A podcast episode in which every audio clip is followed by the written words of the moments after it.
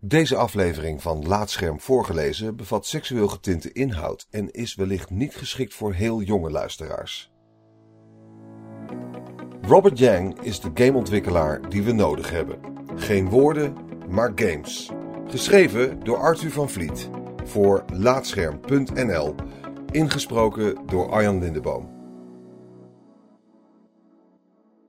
Donderdag verscheen The Tea Room, gemaakt door professor en ontwikkelaar Robert Yang. De game is het bewijs dat we activisten als Yang hard nodig hebben. The Tea Room is gemakkelijk uit te leggen. In een openbaar toilet flirt je met vreemde mannen door tijdens het plassen blikken uit te wisselen. Wordt je toenadering beantwoord, dan ga je op je knieën om het geweer tussen de benen van je buurman oraal tot knallen te brengen.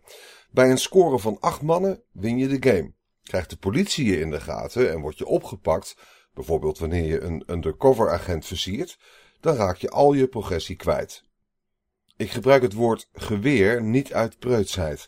In de Tea-room zijn alle piemels letterlijk vervangen door vuurwapens, van kleine handpistolen tot indrukwekkende automatische geweren. Elk succes eindigt met een informatiescherm over het geweer in kwestie. Het verzamelen van acht orgasmes wordt zo een exercitie in wapenverzamelwoede à la Call of Duty. En dat is precies het punt dat Robert Yang wil maken. Problematisch deurbeleid. Yang is professor aan de New York University en maker van titels als Stick Shift, Rinse and Repeat en Hurt Me Plenty, waarin je respectievelijk een auto bevredigt, een ijsje afzuigt en een man spenkt. De games uit zijn portfolio zijn seksueel, intiem, confronterend en geweerd uit elke online winkel en streamingdienst. Yang's dickpic simulator Cobra Club is gratis. Yang kan namelijk geen geld vragen op Itch.io, de enige marktplaats die games als deze toestaat. PayPal weigert betalingen voor, tussen aanhalingstekens, bepaald seksueel materiaal. Met The Tea Room levert Robert Yang expliciete kritiek op het beleid van Twitch, waar geweld gemeengoed is, maar seks wordt geweerd. In de toelichting bij de game schrijft hij... In videogameland heb ik nog steeds te maken met Twitch, dat mijn homoseksuele spellen zonder uitleg verbiedt alsof ze de fucking gamepolitie zijn. Om dit onderdrukkende, conservatieve gamebewakingscomplex tegemoet te komen, heb ik al die vervelende penissen vervangen door het enige dat de game-industrie nooit zal modereren of verbieden: wapens. Er is niks mis met mannen die het geweer van een andere man waarderen, toch? De Tea Room betekent een nieuwe etappe in Yangs kruistocht tegen de curatoren van het huidige gamelandschap. Yang strijdt in een, naar eigen zeggen, oorlog tegen seksgames, waarin bedrijven als Twitch, Steam en PayPal zich bedienen van hypocrisie aan de poort. Hij is een activist die via zijn games, via interviews en via presentaties op belangrijke game-evenementen de aandacht weet te vestigen op de dubbele standaard van grote partijen in de game-industrie. Hoe zit dat precies? Valve, Apple, Sony, Microsoft en Twitch nemen de verantwoordelijkheid op zich om hun klanten te beschermen tegen ongewenst materiaal. Zo'n filter is wenselijk. Het voorkomt dat een spel waarin verkrachting als spelelement wordt gebruikt op deze platformen verkocht kan worden. En dat gewelddadige titels hun weg vinden naar de ogen van je kleine neefje die eigenlijk alleen een potje FIFA wil spelen. Maar zo'n deurbeleid is problematisch wanneer de spelregels bewust onduidelijk worden gehouden of inconsequent worden toegepast. Twitch, Steam en de PlayStation Store hebben geen enkel probleem met The Witcher 3, een blockbuster vol seks en naakt, maar weer de zorgvuldig Cobra Club en andere veel minder expliciete titels van Yangs hand. Naar tekst en uitleg bij de afwijzingen kon Yang fluiten. De fucking politie.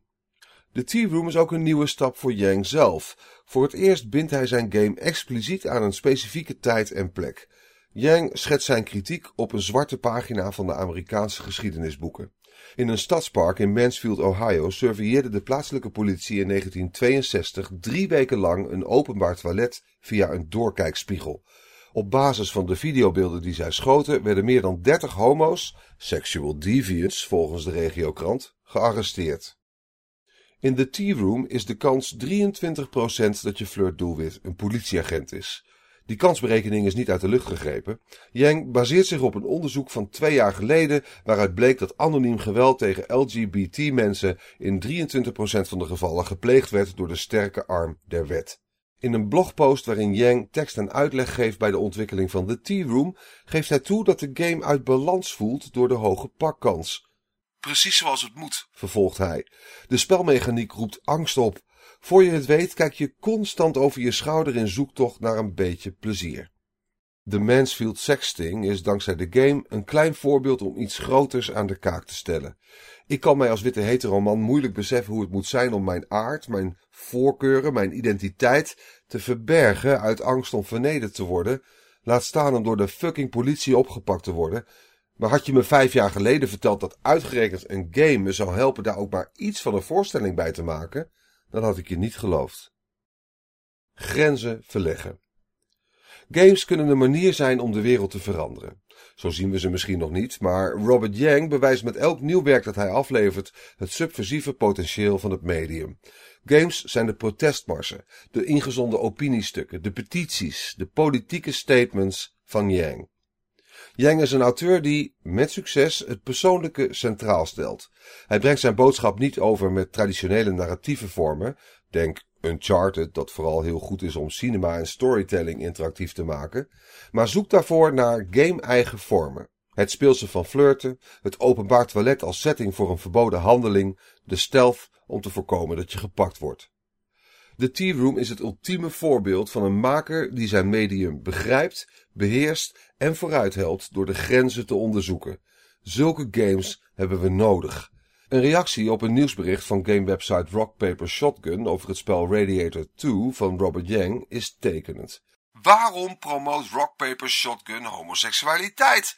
Kunnen we niet wegblijven van ideologische propaganda en gewoon focussen op onze hobby, PC-games? Voor wat misschien wel de grootste entertainmentindustrie op aarde is, blijft het medium opvallend conservatief. Games zijn een feestje, maar dan wel een exclusief feestje voor de witte mannelijke cishet. Ideologische statements verpesten de lol alleen maar. Dankzij ontwikkelaars als Robert Yang kan het game medium uitgroeien tot een politieke plek waar wordt gestreden voor diversiteit, gelijkheid en openheid. En waar seks niet wordt geschuwd. Het is afwachten wat Twitch gaat doen met The Tea Room.